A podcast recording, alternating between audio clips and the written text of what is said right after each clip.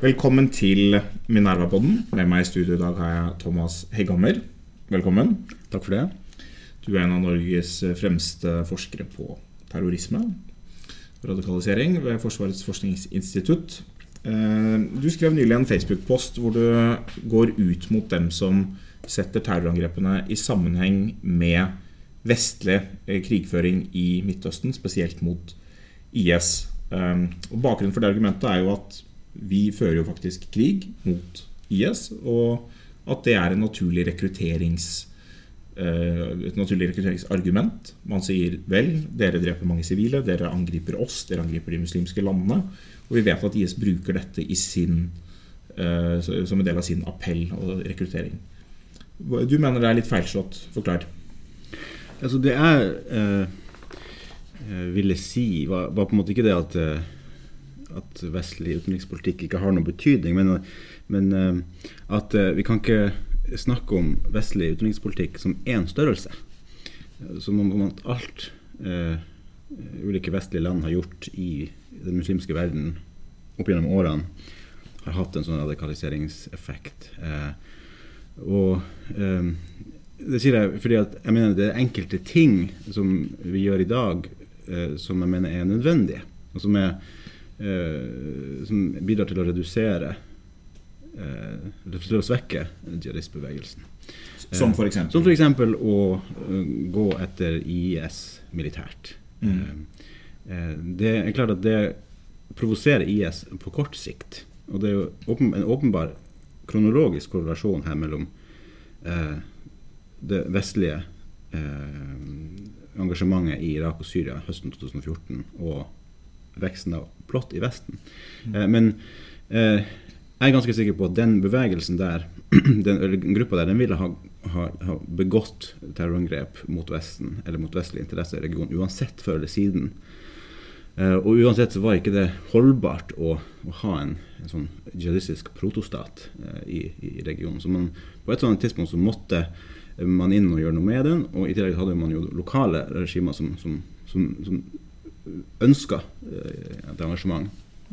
Og da Poenget bare det at det, vi, vi får en kortsiktig backlash, men på lengre sikt så mener jeg det, det er positivt.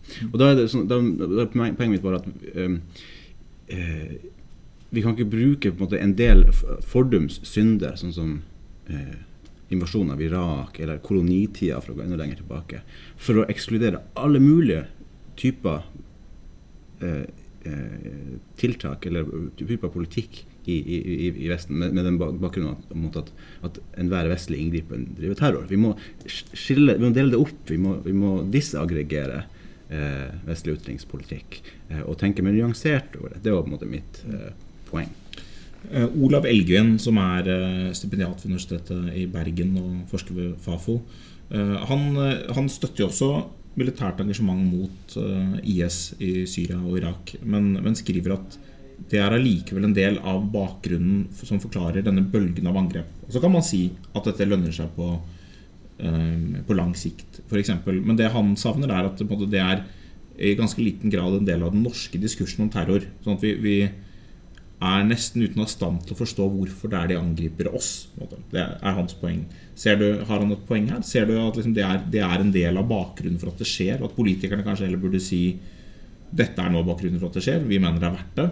Eh, Vi må ta den kostnaden, om du vil. Eh, Og det står vi for. Jeg, mener at Det kommer litt an på øyet som ser, altså hvorvidt det her har vært oppe i debatten eller ikke. Eh, jeg mener jo at det har fremme. Jeg mener at norske myndigheter har eh, vært åpne om det fra starten. Eh, hvis jeg ikke husker helt feil, så mener jeg at det, det er ikke eh, statsministeren eller forsvarsministeren har, vært, har, har- nevnt det, at det her kan øke terrortrusselen på kort sikt.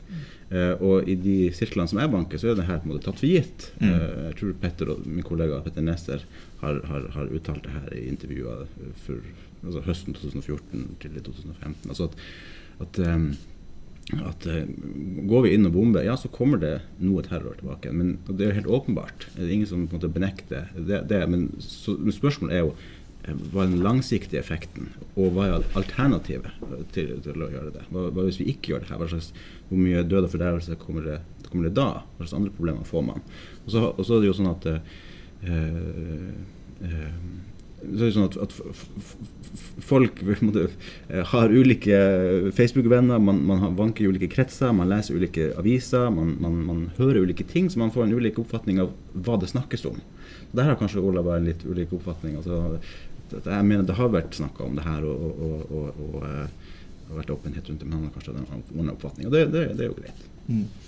Uh, altså, du skrev også i din Facebook-post, som er helt sant, at uh, også i perioder med meget lavt vestlig engasjement i Midtøsten, og spesielt i Sunni-statene, uh, så har vi sett betydelige terrorangrep helt fra 70-tallet og, og frem til i dag.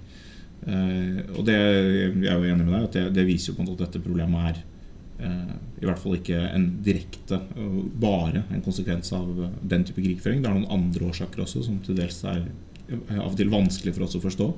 Men hvis vi nå snakker om radikalisering av ungdom i Europa, som jo er en av de store sikkerhetstruslene for Europa, hva, hva ser du som de viktigste driverne bak den radikaliseringen? Hva er det som Eh, er det mer av dette enn før? Og hva er det som forklarer at det er mer og blir mer radikalisering av ungdom som har vokst opp i Europa?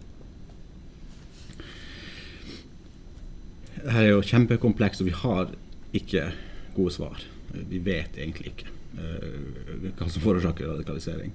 Uh, men vi kan ha Det er noen, noen høvelig gode forklaringer på hvorfor det har økt så mye i det siste. Og det har å gjøre med Syria, uh, og det har å gjøre med Internett. Eh, I 2011 så åpnet det seg opp en, en stor blodig konflikt i, i, Syria som fikk veldig stor synlighet, eh, og som hadde bred og hvor opprøret hadde veldig bred støtte blant sunnimuslimer verden over. Eh, så det ble et eh, sånn lidelsessymbol, noe som veldig mange ønska å hjelpe til med å gjøre, bidra, bidra, bidra til. I tillegg så lå denne plassen veldig tilgjengelig til. Eh, det var lett å reise dit. Eh, og det gjorde at man, man, man fikk ekstremt mange, altså i, i relativ forstand, eh, fremmedkrigere som, som, som reiste til, til Syria. Um, uh, og uh, i tillegg, omtrent samtidig, så skjedde det uh, det jeg har kalt en liten sånn revolusjon på, på, på internett, som gjorde at jihadister og andre radikale fikk mye større spillerom på nettet. De, de, fikk mye kraftigere verktøy for å spre propaganda. Sånn at i 2013-2014 så hadde de en, en sånn distribusjonskapasitet på propagandaen sin som var helt enorm. Eh, og jo, som gjorde at veldig mange eh, i målgruppen eh, ble eksponert for IS-propaganda. Og samtidig så kom ting som krypter, sterk kryptering mer vanlig. Man fikk flere nye sånne kanaler som WhatsApp og Kik og alt sånt her som, gjorde, som ga nettverkene hemmelige rom og hemmelige kanaler som gjorde at de kunne koordinere og rekruttere direkte mye tryggere enn de kunne før. da. Og det her gjorde da at, at man fikk en, en, en veldig sterk eh, oppblomstring av, eh, av rekruttering og radikalisering i Europa sånn i, i tidlig 2010-tallet. Det, det, er på en måte hoved, uh, hovedforklaringen. Men så det er klart at det, det, det, er mer ting som foregår, og særlig hvis vi skal inn på liksom, individnivå. Nå har jeg jo bare snakka om liksom, mm. på, på, aggregert nivå, men ned på individnivå og forklare hvorfor noen blir og ikke andre. der sliter vi uh, med, med, å forklare det ting. Og det er klart at det er en del faktorer og her, her, her må vi tenke probabilistisk og ikke kategorisk. altså at, at uh, det er antakelig en del faktorer Sånn som, sånn som i medisin. da, altså, Det er en del sånne faktorer, uh, eller livsstilvalg eller, eller, eller, påvirkninger som øker risikoen hos, hos individer. Med, med en, en, annen effekt. Og, og, I tillegg så er det sånn at enkelte individer kanskje er mer sårbare for de her påvirkningene. Så det her gjør at det er veldig sånn kompleks kursal, så veldig komplekst eh, fenomen. Men de tingene som jeg tror er med på å øke sårbarheten, eh, øke risikoen for, for, å radikaliseres, det er jo eh, bl.a. Eh, eh, økonomisk deprivasjon. Altså en, en, en, en eh, Fordi at det eh, det gjør, det gjør, det mer sannsynlig at du bor i et eh, fattig innvandrertungt strøk, og der er det gjerne får du en sånn nabolagseffekt. Der er det større sjanse for at du treffer på sånn islamistnettverk osv. Det er større sjanse for at du har blitt, eh, hatt negative opplevelser med politiet og statsmakten. Eh, og har du en dårlig økonomisk fremtid foran deg, ja, da har du mindre å tape. Da er det mer, relativt mer attraktivt å, å, gjøre ting som å reise til Syria og sånne ting. Da. Um, og så er det også noe med det her med at um, enkelte personlighetstyper uh, er mer uh, mottakelig for en del av de insentivene eller de tingene som jihadistgruppen tilbyr. De tilbyr jo spenning, de tilbyr kameratskap, de tilbyr en meningsfull kamp. De tilbyr uh, status og, og, sånne ting. Og, og um, jeg tror nok at det enkelte Eh, personlighetstyper som, som, som trekkes da mer til de tingene der enn enn andre. Da. Men det her er fryktelig, fryktelig komplisert. Det, det er jo, det, når du snakker om det nå, så er det litt sånn generell radikaliseringsteori som, eh, som, man nok kunne si om mange typer radikalisering. Enten det var eh, si, rått armé på 70-tallet eller eh, anarkistene på, på 1910-tallet. Eh, men i, i, dag så går denne diskusjonen går jo veldig inn i den, den, store islamdebatten. Som er den debatten som, eh, som, omhandler alt av innvandringsspørsmål og kulturspørsmål og, eh, og sånn i våre dager. Men, men, det er en slags faglig debatt der. Og også hvilken rolle spiller ulike former for islam og eventuelt endrede forståelser av islam i radikaliseringsprosessene. og jeg, jeg tenker litt på er, du snakket om at man, man, har ulike oppfattelser av hva den offentlige debatten er. Og en av de tingene vi ser nå, er det er mange som skriver etter hvert terrorangrep sånn Man skriver eh, litt sånn ironisk 'fredens religion slår til igjen', eller, eller man skriver sint noe om at politikerne anerkjenner at dette har noe med islam å gjøre. Eh, og da er det jo sånn I mine kretser og det jeg leser, så er det ingen som siden 2001 har sagt at dette har ingenting med islam å gjøre. Men spørsmålet er akkurat hva som er lenken, og hva som forklarer at det er mer av dette nå enn før. For islam har jo vært der hele tiden. Hva er det som forklarer at det blir mer av det?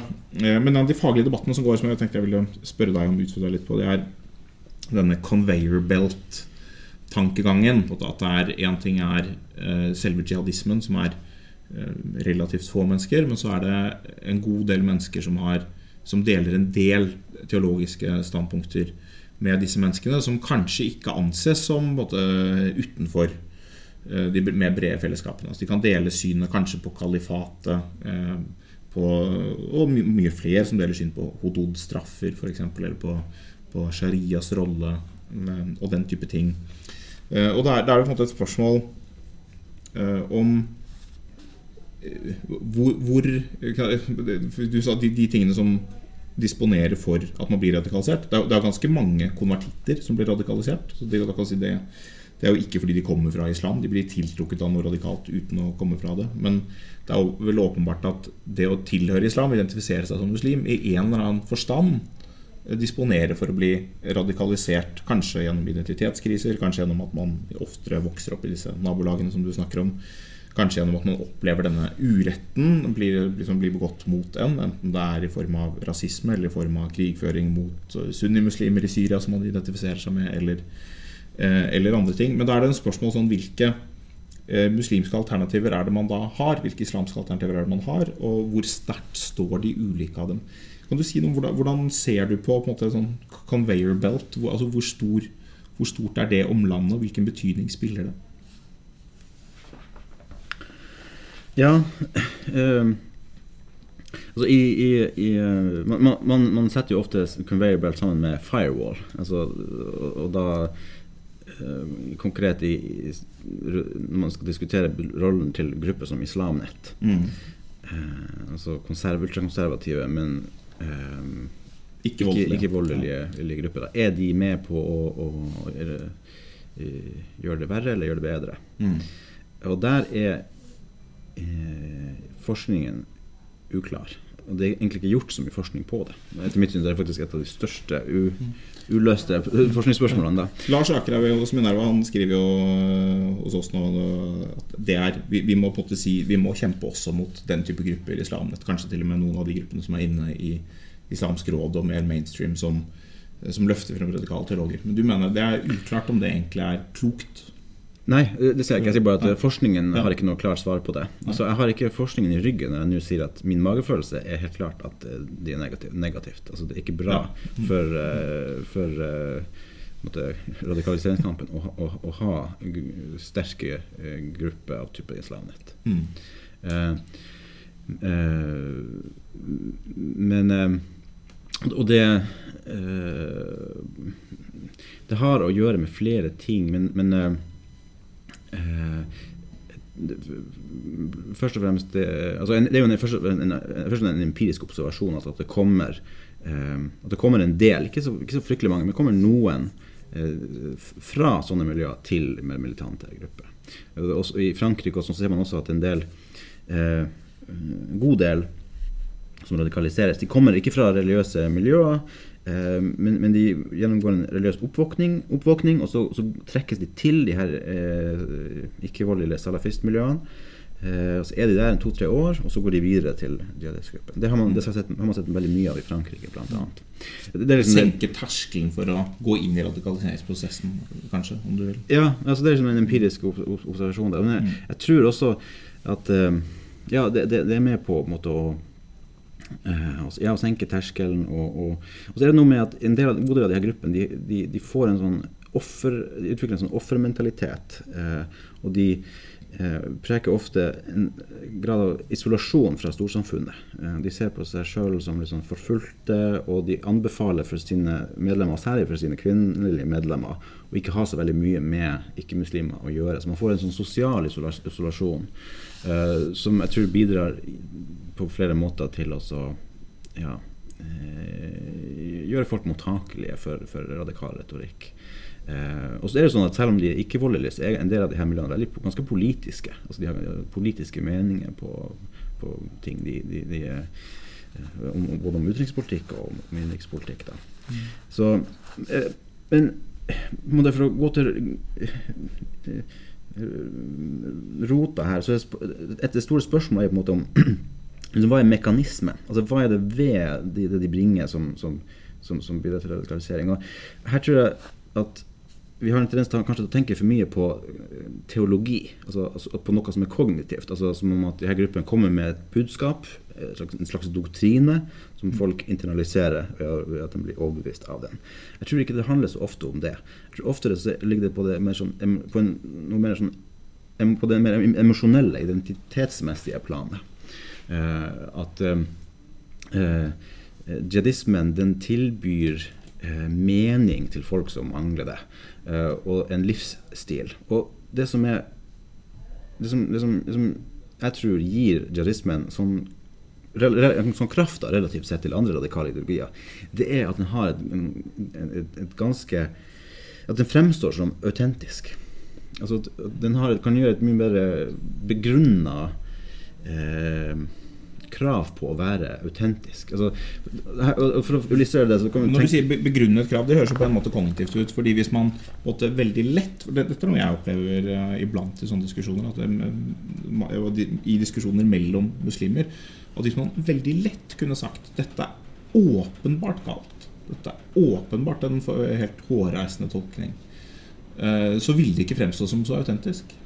Hva, eller hva er det du legger i autentisk? Jeg legger, så tenker jeg mer på eh, eh, eh, livsstilen og det estetiske i det. Altså mm. at, eh, og, og, det illustreres best ved å kontrastere det mot en, en, en annen ikke-islamistisk eh, radikal Ta f.eks. nynazismen eller, eller liksom skinhead-bevegelsen. Mm. Den representerer en livsstil og en ideologi som er et radikalt brudd med mainstream. Altså, mm. den, har, den har ingen historiske dybde.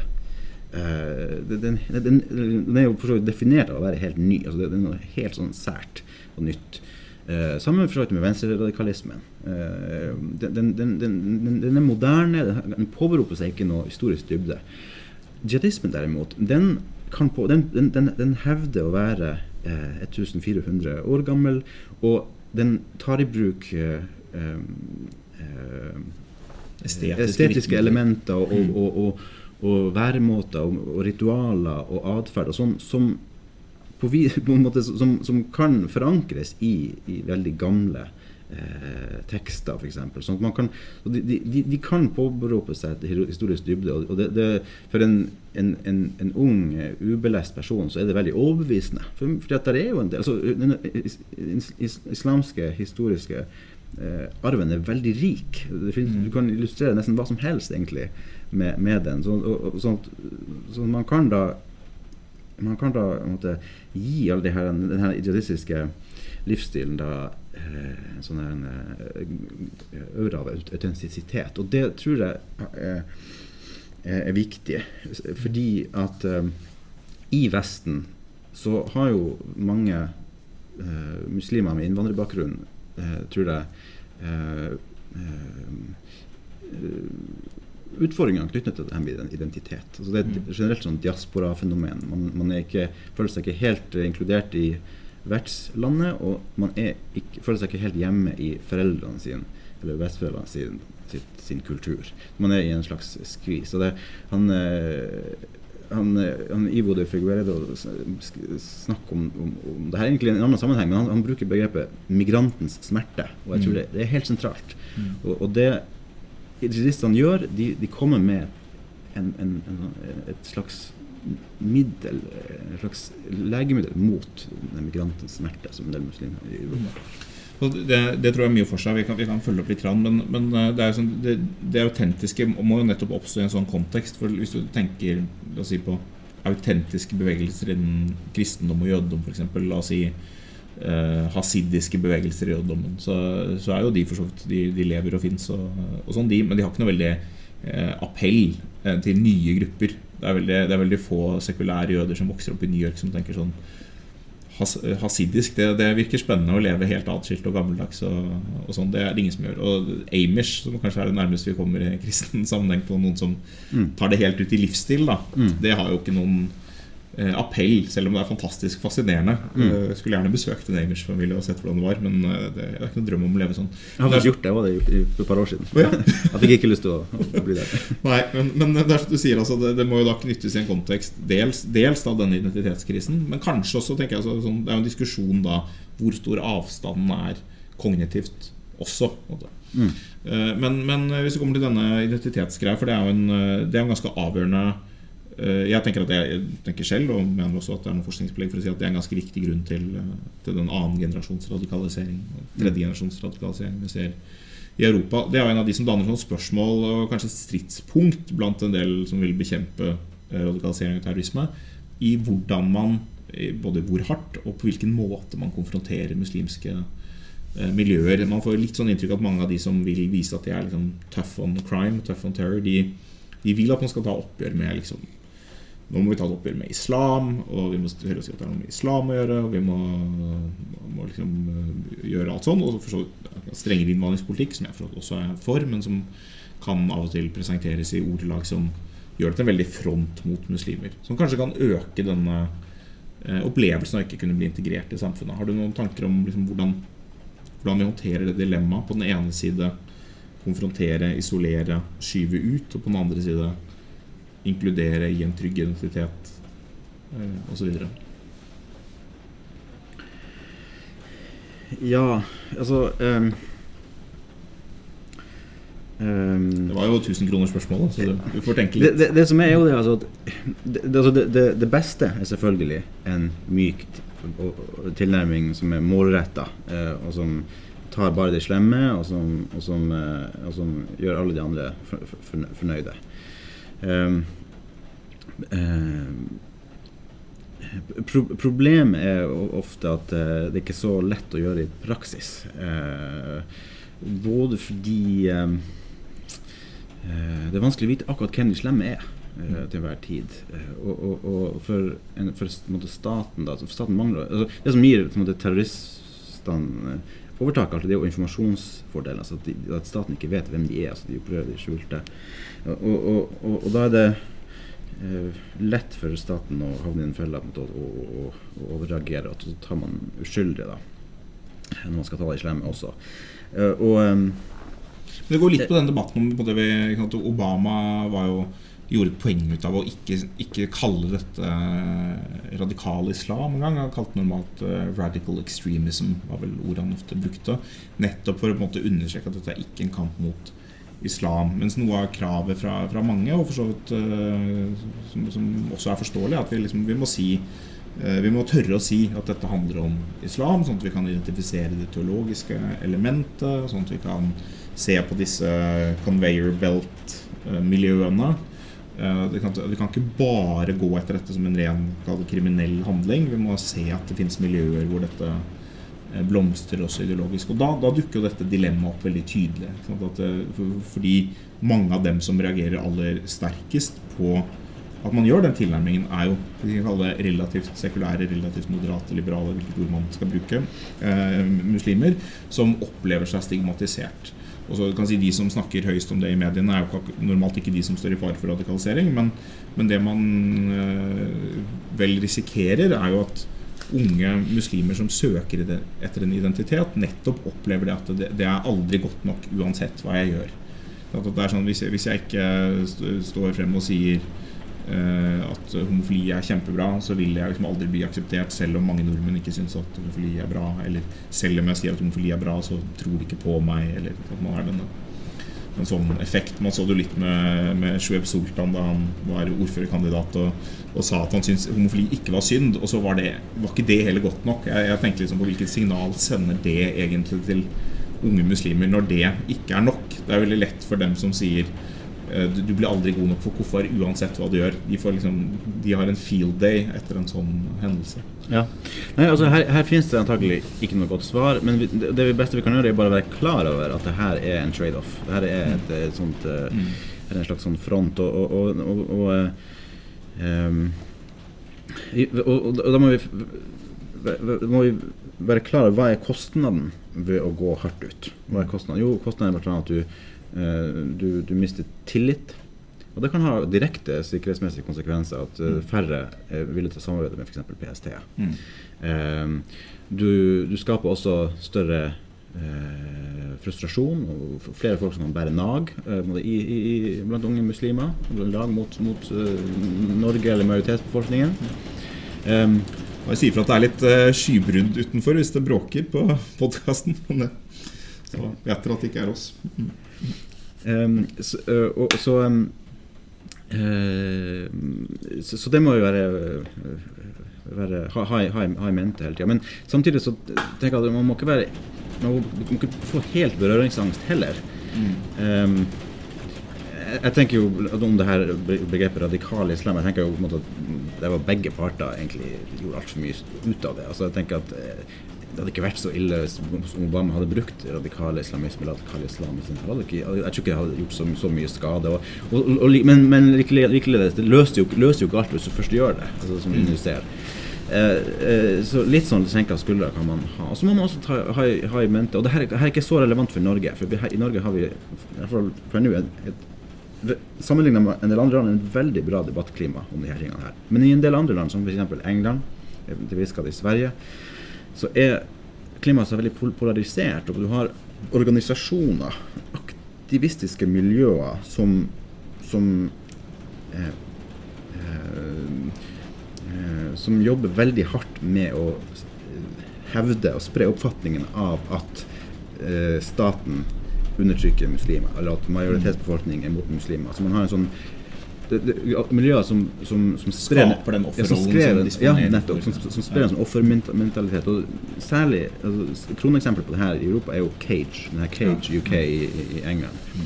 Um, Uh, og, og, og, de, sånne organisasjoner de er med på å Si litt om Cage er for dem av lytterne som ikke kjenner det. Består bl.a. av tidligere Guantánamo ja, Cage det, det starta tidlig på 2000-tallet som en interesseorganisasjon for eh, fanger. Eh, altså personer som ble holdt til fange, særlig på Guantánamo eller andre steder, i krigen mot terror. Mm. Eh, og eh, de, de, de, har fortsatt det som er hoved, offisielle hovedanliggende, men de, de, jobber generelt med eh, spørsmål knytta til ja, islamofobi og, og måte, uh, menneskerettighetsovergrep i, i krig mot terror. Men de, etter mitt syn og en del, mange andre sin syn, så, så, så definerer det det ganske vidt. og de og de, de, etter mitt syn så har de en ganske sånn skjev tolkning da, i mange mm. saker av hva som, er, måte, hva som er en gitt saks eh, natur, da, og hva, hva, staten egentlig vil. Og, og, og de, denne gruppen de er med liksom, på å spre oppfatningen i blant unge muslimer i England om at, om at, uh, ja, at uh, staten er fundamentalt antimuslimsk, og alt som gjøres av kontraterrortiltak, det er kun der for å skade og svekke og utmyke muslimer. Så, det, det, gjør ting, ting, ting verre. Så vi må, vi må, være klar over at sånne aktører finnes det også. Denne diskursen er til stede. Mm. Og vi må prøve å eh, ja, ikke bry oss så mye om den eh, når vi skal utvikle god politikk. Da kan vi prøve å, å, lande litt der hvor vi begynte. Altså, jeg synes det er interessant med, en, en, ting som er interessant med Cage, eh, det er at den type aktører ofte får eh, Ofte er ganske flinke til å få ganske bred sympati både blant en del eh, britiske muslimer, men også inne blant britiske ikke-muslimer. Uh, et eksempel er den striden som har vært mellom Cage og for Majid Nawaz, uh, som er en Eh, relativt liberal tidligere Hizbut Tahrir, tidligere ekstremist, som nå er, eh, jobber mener han selv, mot eh, ekstremisme og radikalisering. Som jo er veldig upopulær blant britiske muslimer, og som, blir, og som ikke regnes som autentisk, da, apropos det begrepet. og det, er, det, kan man jo mene Man kan mene mye forskjellig om akkurat hva han står for, og sånn, men jeg, jeg reagerer på det. Det ser man også i Norge at det er en del som er sånn veldig avvisende til, til ham, mens man har mer liksom, sympati, forståelse, respekt for en aktør som Cage. Eh, og det virker veldig skjevt. Og noen begrunner eh, sånn pragmatisk med at han har ingen eh, liksom, legitimitet blant muslimer.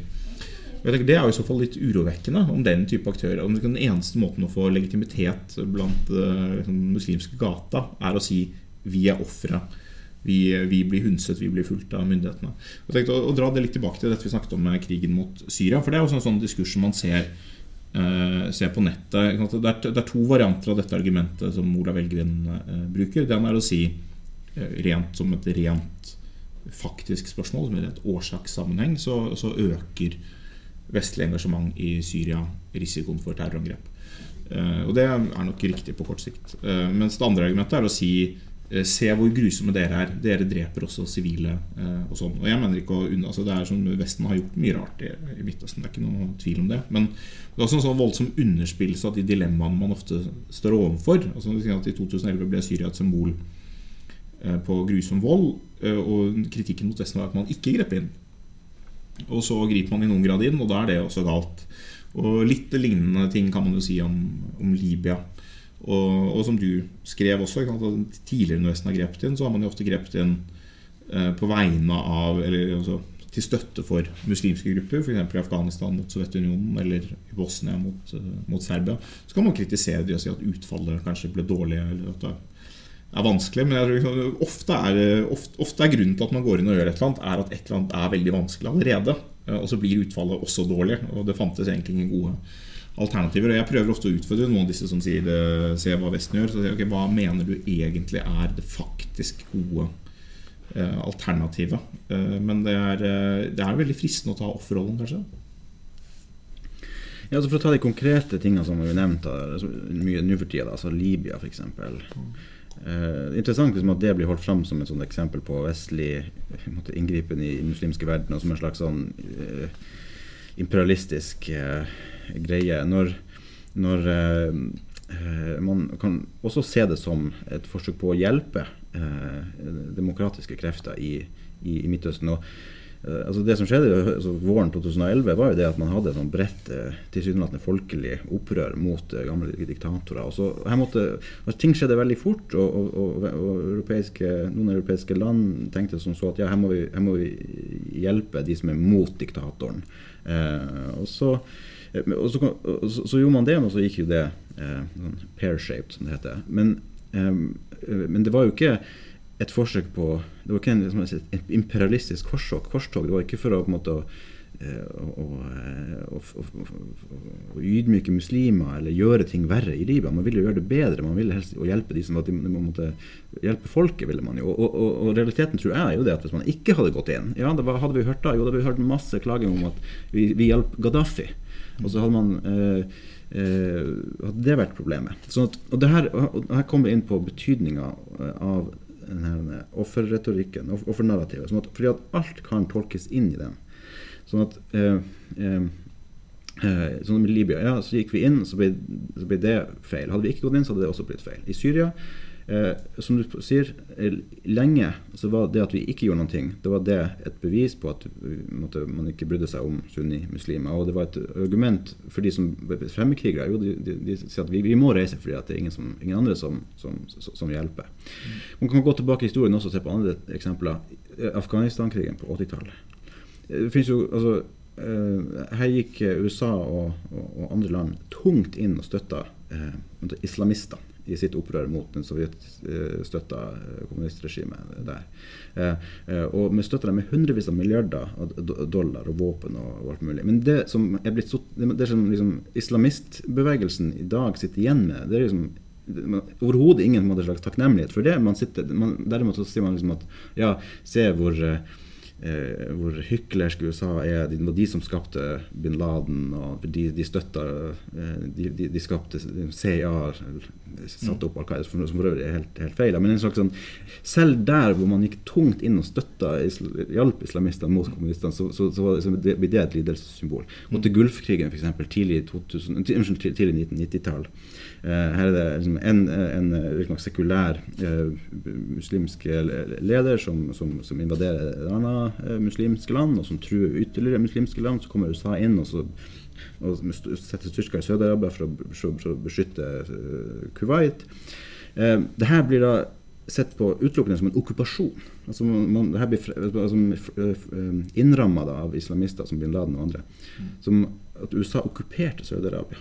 Altså, det er ingen hensyn her til, at, til den, den, den, liksom den, politiske logikken her som var eh, Eh, ja, en, konflikt og trusler mot, eh, mot, de, mot de landene. Det var jo ikke, sånn at USA gikk jo ikke inn for å ydmyke islam eller ydmyke muslimer. eller sånn her. Riktignok selvfølgelig var det, har amerikanerne interesser av, av eh, olje og sånne, og sånne, sånne typer ting. Men, eh, men, men man, de bidro jo også til eh, å eh, altså Motivasjonen var jo også å få stabilitet i, i, i, i regionen.